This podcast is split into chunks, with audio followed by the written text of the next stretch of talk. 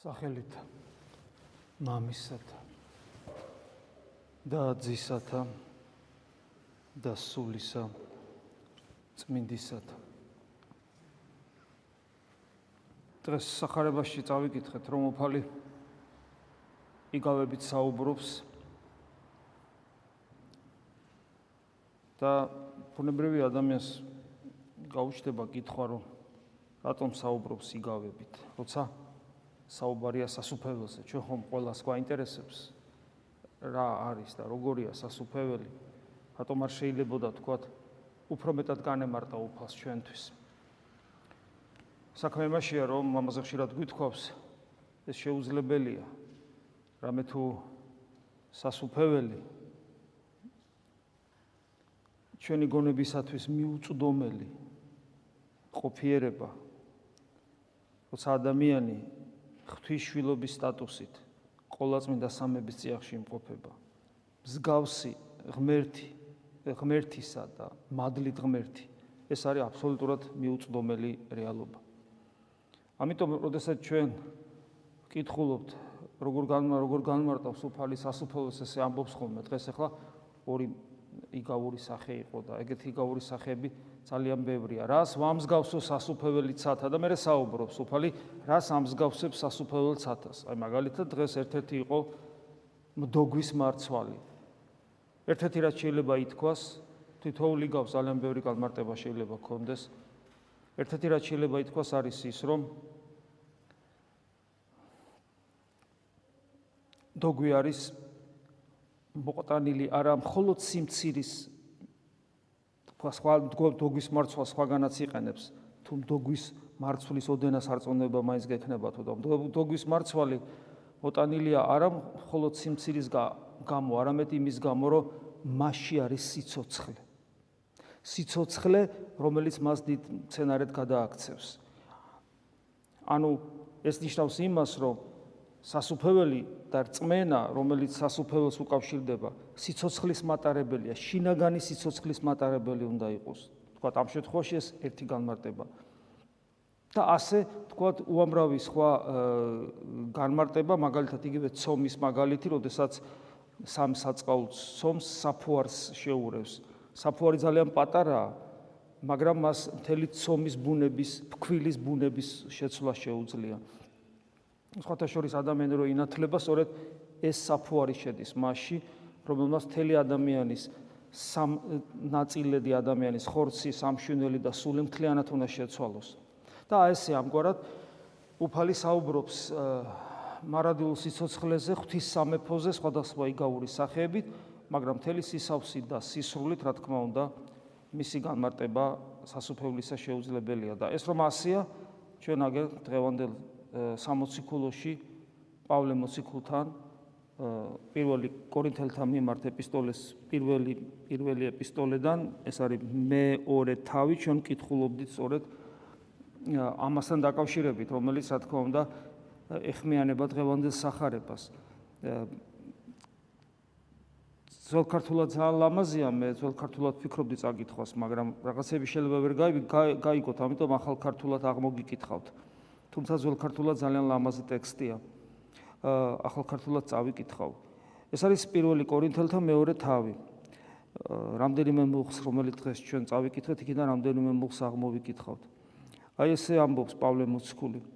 როგორც წერია, რაც თვალს არ უნახავს, ყურს არ სმენია და კაც გულში არ გაულია, ის მოუმზადა ღმერთმა თავის მოყვარულთ. რას ნიშნავს ეს? ადამიანური გამოცდილების მიღმა არის სასუფეველი. ამიტომაც ამბობს, თვალს არ უნახავს, ყურს არ სმენია, გულს არ გულში არ გაულია, ანუ გულს არ შეხებია ის მოუმზადა ღმერთმა ვის, არა ყოველას, არამედ თავის მოყვარულთ. ვისაც ღმერთი უყვარს. ოღონ ის, რაც განუმზადა ადამიანური გამოცდილების მიღმა, შესაბამისად ადამიანმა ეს თავისთავად არ შეიძლება იცოდეს. პავლე მიცოდა თუ არ იცოდა?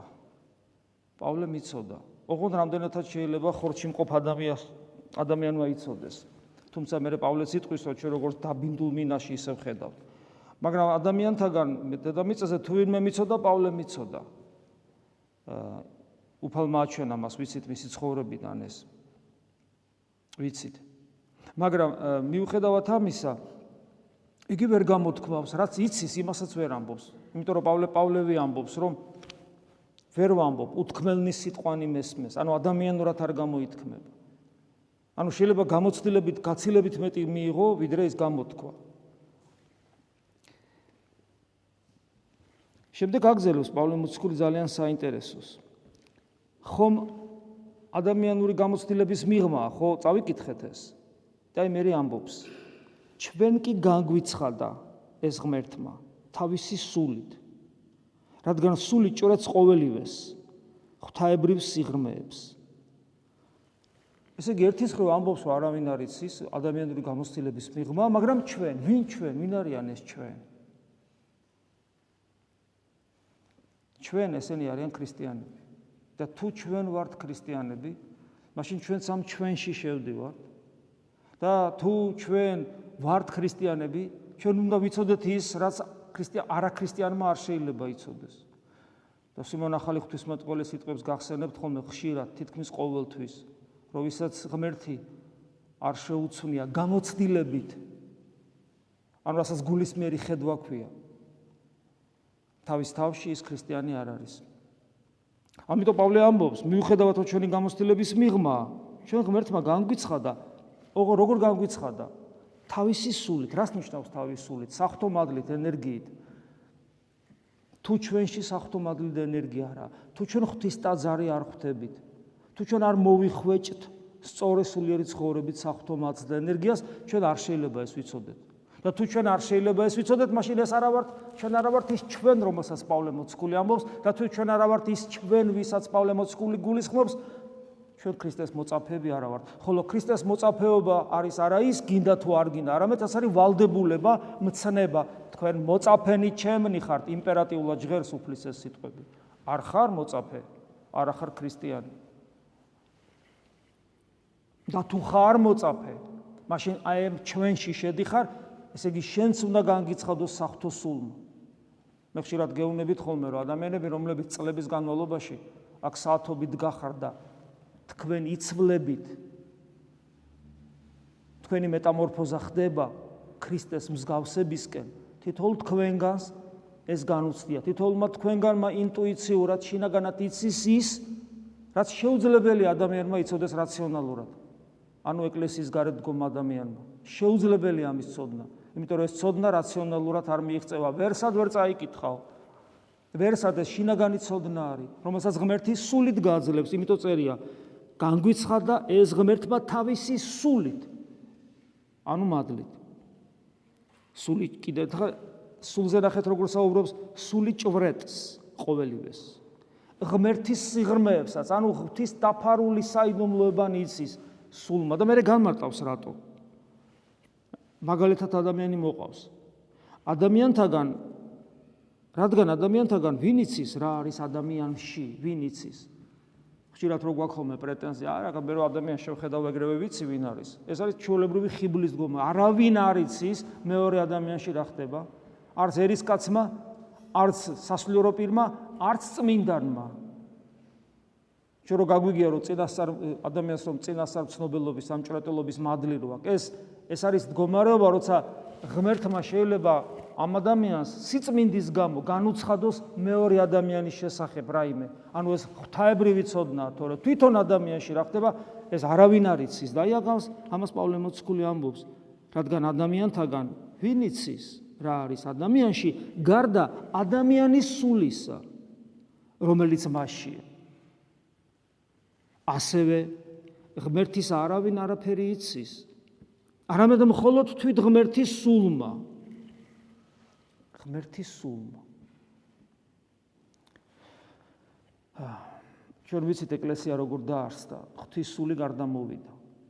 ჩვენში, ჩვენ ერთმანეთში ვერთიანდებით ქრისტეს სხეულით, ქრისტეს სხეულში და თითოეულ ჩვენთაგანში, ჩვენგანში მუშაობს საფრთხო სული. და სწორედ აი ამ სულზეა საუბარი. და ესე იგი, რადგან ღმერთის სიღრმე არავინ არის, ღმერთის არავინ იცის, ვინც მხოლოდ მხოლოდ ღმერთის სულმა და აი შემდეგ შემდეგ აგზელებს პავლე მოციქული, ხოლო ჩვენ მივიღეთ არა ამ ქვეყნიერების სული, ამასოფლის სული, არამედ სული ღვთისაგან. აი სული რომელმაც ღვთის სიღრმეები იცის ჩვენ მივიღეთ ეს სული პავლე მოციქული აგძელებს რათა შევიცნოთ ღმერთისაგან ჩვენთვის მონიჭებული ანუ ეს სული ბრმად კი არა მოცემული და თქვათ ეს ეს სული ეს სული თავად ღმერთია ცოცხალი ღმერთია და გვაძლევს იმას რას გვაძლევს რა ცოდნას გვაძლევს არაცნობის მოყარეობას კი არ გვიკმაყოფილებს არამედ რას გვაძლევს ღმერთისაგან ჩვენთვის მონიჭებული. ანუ თუ რა მოგცა ღმერთმა? რა მოგცა ღმერთმა? რა არის ჩვენთვის მნიშვნელოვანი? როგორ გავხდეთ ღვთის შვილნი? როგორ დავემკვიდროთ სასუფეველი? ანუ ირაზეც თავიდან დავიწყეთ. სასופელს იგავის სახით გამარტავს. ადამიანურად გამოუთქმელად სხვანაირად შეუძლებელია გამოითქვას. ვერ გამოთქვა ვერანაირად ამიტომ იგავური სახეებს იყენებს უფალი. ადამიანი მაინც ვერ იგებს იმიტომ რომ მისი გაგება ანუ სასופელის გაგება შესაძლებელია ღვთის სულით რომელიც ჩვენ გვეუბნება. თუ რა არის ჩვენთვის მონიჭებული?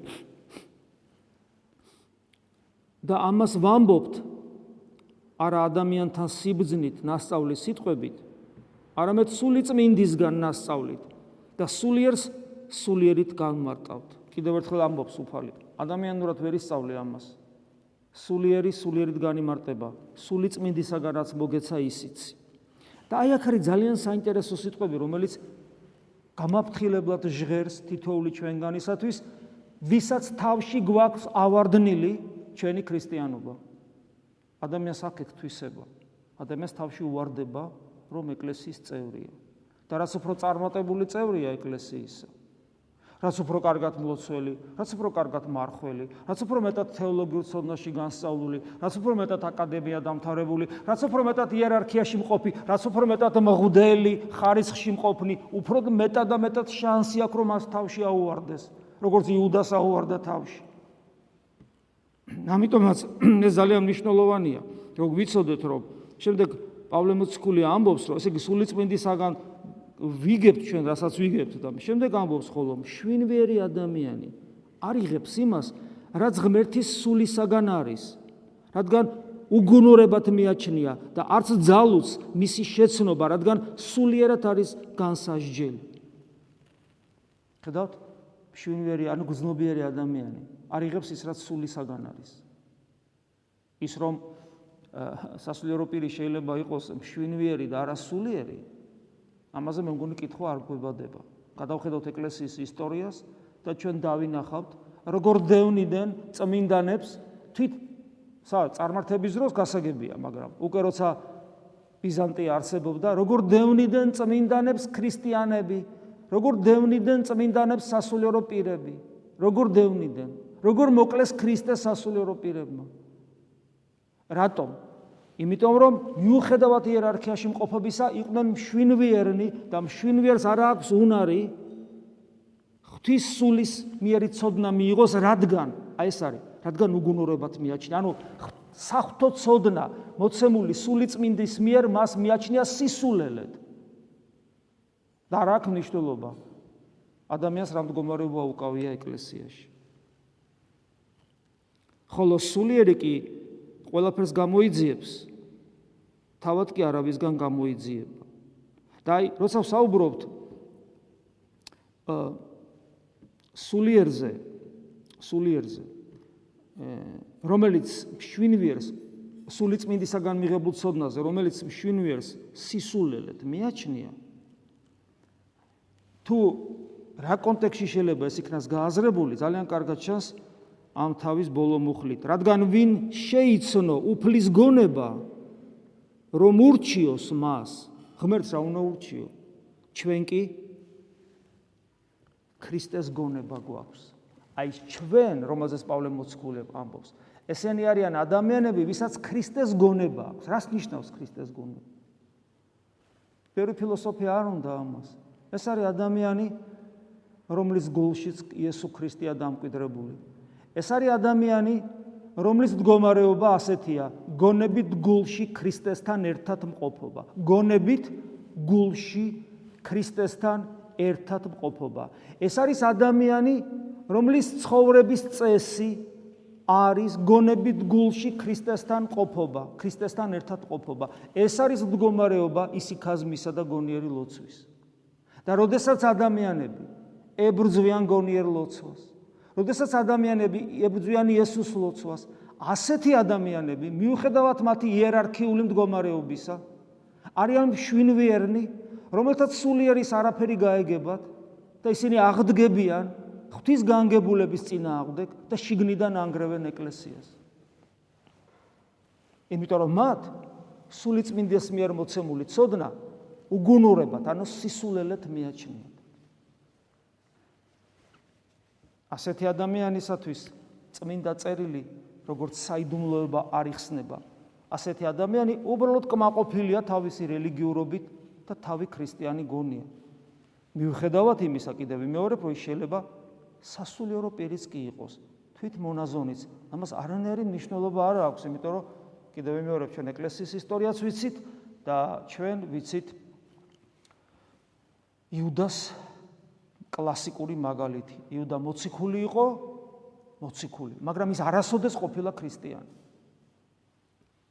არადა ადამიანი რა საწოდავია წარმოიდგინეთ თუ თუ არ იცხოვრებს სულიერად და მხოლოდ ჩვენიერად იცხოვრებს. დაკმაყოფილდება მისი რელიგიურობა, რელიგიური გზნობები და თვითკმაყოფილი იბედნიერებს ბრჭყალებში. ასეთი ადამიანი შვინვიერია. რას ნიშნავს შვინვიერი ადამიანი? მისი მიზანი არის არა იესო ქრისტე, თუნდაც სიტყვით ესე ამბობდეს. არამედ შვინვიერი ადამიანის მიზანი ამ ქვეყნიური წარმატებებია, ამ ქვეყნიური წარმატებებია. ყოველას გვიყვარს ჩვენ ამ ქვეყნიური წარმატებები. ჩვენ ყოველას გვიყვარს კომფორტი, ყოველას გვიყვარს მატერიალური კეთილდღეობა, ჩვენ ყოველას გვიყვარს პატივი, აპლოდისმენტები, ყოველას გვიყვარს იერარქიული წინსვლა, ყოველას გვიყვარს ეს. იმიტომ რომ ჩვენში ეს უბედურება ჩადებულია დაბადებიდანვე ჩვენ ყველანი ძალაუფლების მოყვარულნი ვართ. ჩვენ ყველანი სიამეთ მოყვარენი ვართ. ჩვენ ყველანი პატივ მოყვარენი ვართ. ადამიანი ამის გარეშე არ არსებობს. ეს არის მშვინვიერი ცხოვრება. ადამიანი მშვინვიერი არის ასეთი და არაფერი გარეგნული სტატუსი, თუნდაც სამღვდელო ხელდასხმა ამას არ შველის. თუ არ იქნა შინაგანი სულიერი ცხოვრება. და წარმოიდგინეთ ასეთი ადამიანის ცხოვრება როგორია? მისთვის იესო ქრისტე არ არის ერთადერთი ღირებულება. მას იესო ქრისტესთან ერთად იმისათვის რომ ბედნიერი იყოს, კიდე რაღაცა უნდა. ოღონ უნდა იესო ქრისტესთან გათანაბრებულ დონეზე. კიდე რაღაცა უნდა. არაკმაყოფილებს ეს იესო ქრისტე ღმერთი ყოვლის მომცველი ყოვლის მყრობელი სრული სისავსე სიკეთისა და ბედნიერებისა და მისი ძიება არაკმაყოფილებს კიდე რაღაც უნდა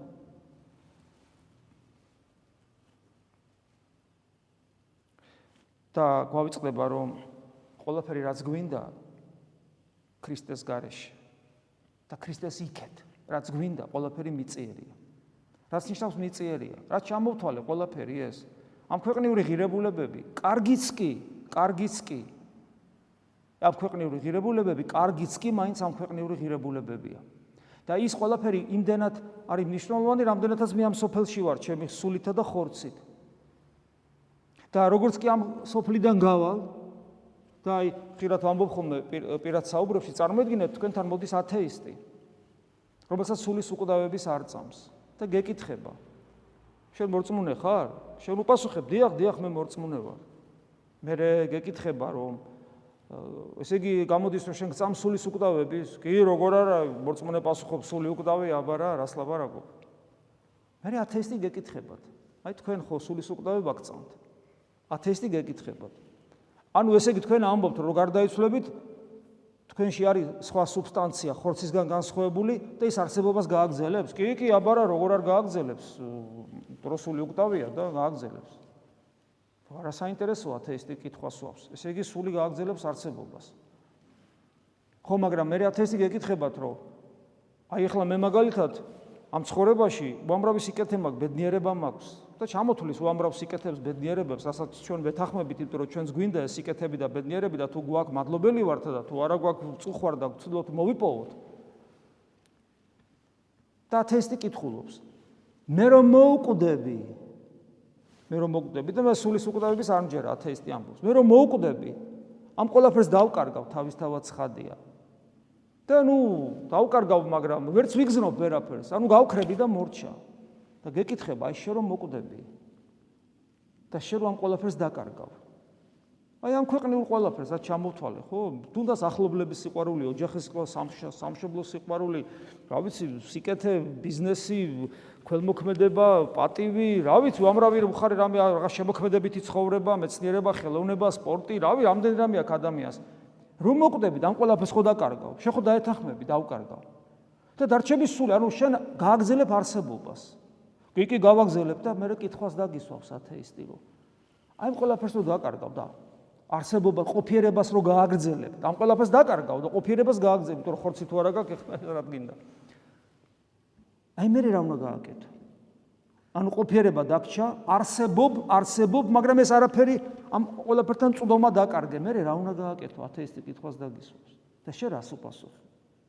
ერთადერთი პასუხი არ არის, როგორ ას კაცო, იესო ქრისტესთან ვიქნებ და ხარ ეხლა იესო ქრისტესთან. და ხარ იესო ქრისტესთან. აღმოჩნდება, რომ ჩაიხედები საკუთარ თავში და შენ იესოს არ იცნობ საერთოდ. არათუ არ იცნობ, დიდი სურვილიც არ აქვს მასთან ყოფნის. არ იცი როგორ ვინ არის, როგორია. არ იცი მასთან ურთიერთობის არაფერი. მეცას გეტყვი, ებრძვი მასთან ურთიერთობას, თუნდაც იმიტომ რომ იესოს ლოცვას ებრძვი, ინტენსიურ ევქარისტიულ ცხოვრებას ებრძვი.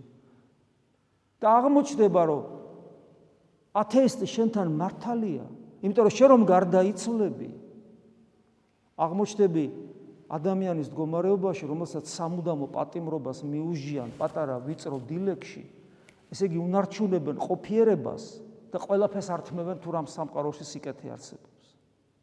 და დაიწყება გარდაცვალებისთანავე შენი ჯოჯოხეთი დაიწყება. და ამას ათეისტი დაგიმტკიცებს, რომ ეს ასე იქნება, ლოგიკურად.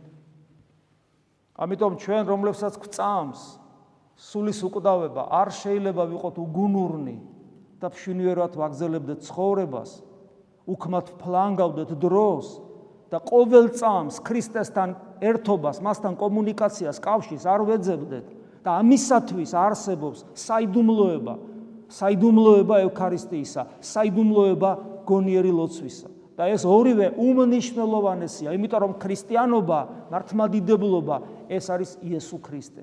ხოლო იესო ქრისტეს მისადმი წვდომა ეს არის მისტიკა, საიდუმლოება, მისტიკა. და არ შეიძლება ეს გავცვალოთ რაღაც შვინვერ ღირებულებებში. და ბოლოს რამდენიმე მუხლი იონეს სინელის სათნოებათა კიბედან 21 21 სიტყვა ეს რომელსაც ქვია შიშისთვის. და ესე ყველაფერი გვეხმარება იმისათვის, რომ შვინვერი არ ვიყოთ და სულიერნი გავხდეთ. რამდენიმე მუხლი, რამდენიმე ამონარიდი 21 თავიდან. შიში სარწმუნოების გადახვევა, მოულოდნელი ჭირის მოლოდინია. ესე იგი, სიმამაცე ხო ერთ-ერთი სათნოებაა სარწმუნოებაში, ხოლო შიში არის სარწმუნოებისგან გადახვევა, ანუ სარწმუნოებაზე უარის თქმა.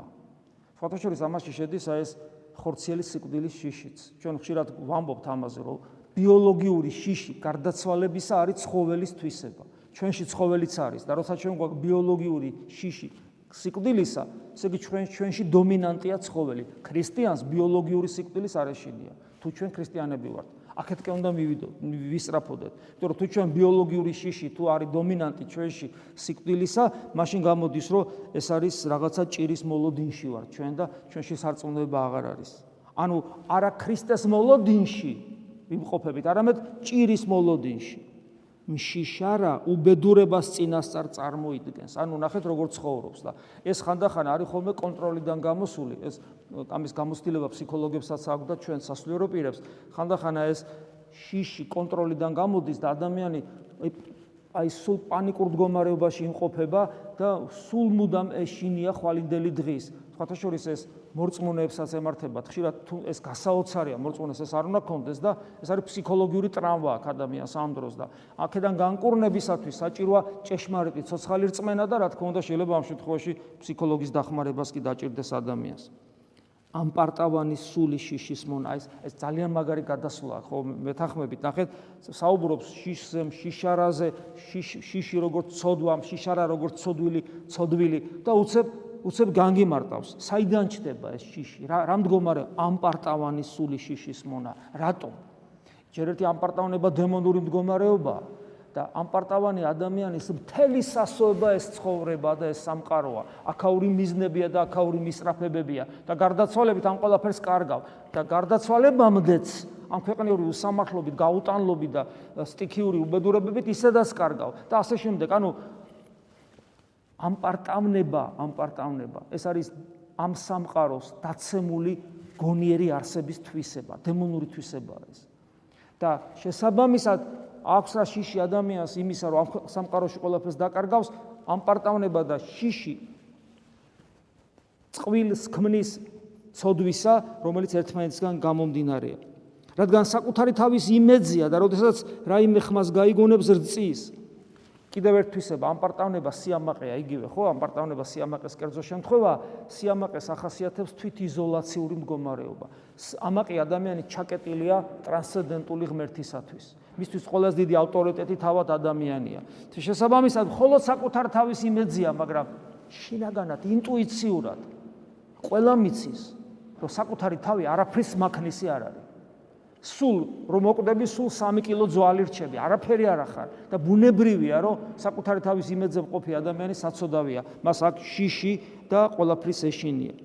სადაც შიში გიპყრობს იმ ადგილას ღამის მისვლად ეს უკვე სუფთა ასკეზა არის რომელიც პრაქტიკაში გვადგება. ძალიან ბევრი ადამიანი რომელიც თქვა სიბნელეში ღამე ლოცულობს უთქვიათ რომ აი სიბნელეში ლოცვა არ შემიძლია ძალიან მეშინია, იმიტომ რომ ну, ხო ეს ეს მისტიკური შიშია, დემონური შიშია.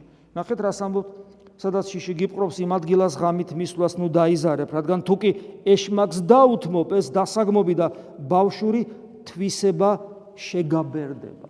მე ადრეს გითხარით, ათონის მთაზე იყო ესეთი ტრადიცია, რომ ვისაც ეს დემონური შიში აწუხებდა და ქრისტიანისათვის ღირსების შემლახველია, როცა ეშმაკის ეშინია.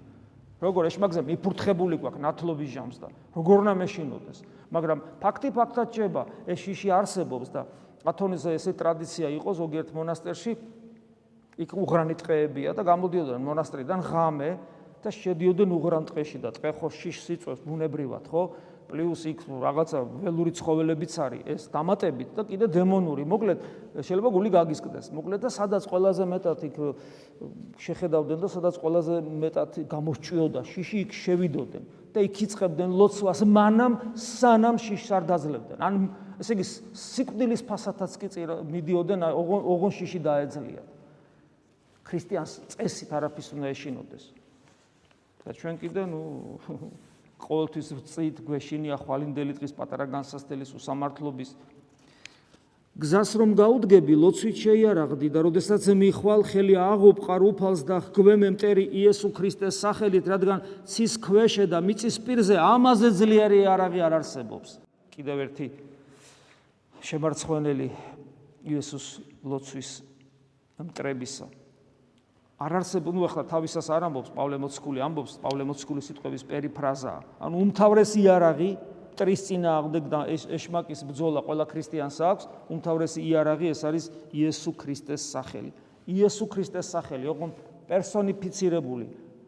უბრალოდ იესო ჰაერში გაფქოვლი გერები კი არა როცა ამბობ იესოს და გულისხმობ მას ვინც თელი სამყარო შექმნა და ადამიანად შენთვის მოვიდა. როცა მას გულისხმობ აი სახელი ხო თქვა ადამიანს რაღაც სახელი ქვია ის სახელი ერთია რომ ესე ვიძახო და არაფერს ნიშნავს და მეორეა მას მიუმართო რომ მიუმართავ ეს სახელი ამ პერსონასთან მიმართებაში ცოცხლდება. თორე ისი არა. აი ესე ზუსტად იესოს შემთხვევაში როცა შენ ამბობ იესო და გულისხმობ მას ვინც სამყარო შექმნა და ადამიანად მოვიდა და შენთვის მოკვდა ამ სახელს უდიდესი ძალა ენიჭება და ის ჩვენი გადამრჩენელია. მისი თუნავ სუნთქავდეთ. და შეუძლებელია მისით ისუნთქო თუ თუ არ გექნება წთვნა ვარჯიში გონიერი ლოცვაში. არც ღამის სიბნელე და არც ადგილის უდაბურება არ აძლევს ჩვენზეთ ძალას. ეშმაკს არამედ სულის უნაყოფობა თუ ამას განვაზოგადებთ აი ამ ადგილს ზოგადად შეიძლება ესე ვთქვათ რომ ჩვენ ძალიან ხშირად უსუსურობას ვავლენთ სულიერ ცხოვრებაში და ძალიან ხშირად არის ხოლმე რომ ადგილი მოქმედებს. აი თქვა ადამიანი თბილისშია, ტაძარში დადის, არა უჭირს. სადღაც წავიდა, თქვა თქვა და იქ იმ წამსვე აირდაირია. ხშირად ან კიდე თქვა აქ ცუდად არის და ფიქრობ სადღაც გაიქცევა აქედან საქართველოსდან და იქ კარგად იქნება. ეს ყველაფერი არის როგორ გითხრათ, აი წყალწაღებული ხავს ეჭიდებოდა, იმიტომ რომ თავარი მიზეზი ჩვენშია და გეუბნება რომ ეშმაკს ძალა ჩვენზე იმიტომ კი არა აქვს რომ რაღაც ადგილია განსხვავებული ან არამედ ჩვენი სულია უნაყოფო, იმიტომ რომ ჩვენ არ ვიბრძვით მასში რომ ქრისტე დამკვიდრდეს. ვინც ღვთის მონა, მას მხოლოდ თავისი მეუფის ეშინია. ხოლო ვისაც მეუფეშიში არ აქვს, მას საკუთარი ჩდილიც აშინებს. ვინც ღვთის მონა, ის არავის მონა აღარ არის ამ სამყაროში. ვინც ღვთის მონა, ის მხოლოდ ღმერთს ემორჩილება და აბსოლუტურად თავისუფალ. ეს რას ნიშნავს? ტრანსცენდენტული სამყაროს მიღმიერი ღმერთის მონა არავის მონა არ არის, ანუ სამყაროში არის აბსოლუტურად თავისუფალი. მისი დამარცხებელი, შემაშინებელი, დამდგუნველი, არაფერი არ არსებობს ამ სამყაროში. ხოლო ვისაც მისი მონობა არ უნდა ტრანსცენდენტული ღმერთისა. მაშინ ის ყველაფრის მონაა და შეუძლებელია მშიშარა არ იყოს. იმის შენიშვნით, რომ ეს ჩვენ ვამბობთ, რომ ჩვენ მისი მონები ვართ. ხოლო თავად უფალი ჩვენ მონას არ გვიწოდებს. ის ჩვენ მეგობრებს, ძმებს გვიწოდებს და შვილებს. ეს არის კიდევ ერთი გამოხატულება ჩვენთვის მომკვდარი უფლის სიდიადისა და მისი განსაცვიფრებელი სიმგაბლისა და მისი ჩვენდამი განსაცვიფრებელი სიყვარულისა. ამინ. მადლი უფლისა ჩვენისა იესო ქრისტეს და სიყვარული ღვთისა და მამისა და ზიარება სული საწმინდისა იყოს თქვენ ყოველთა თანა. ამინ.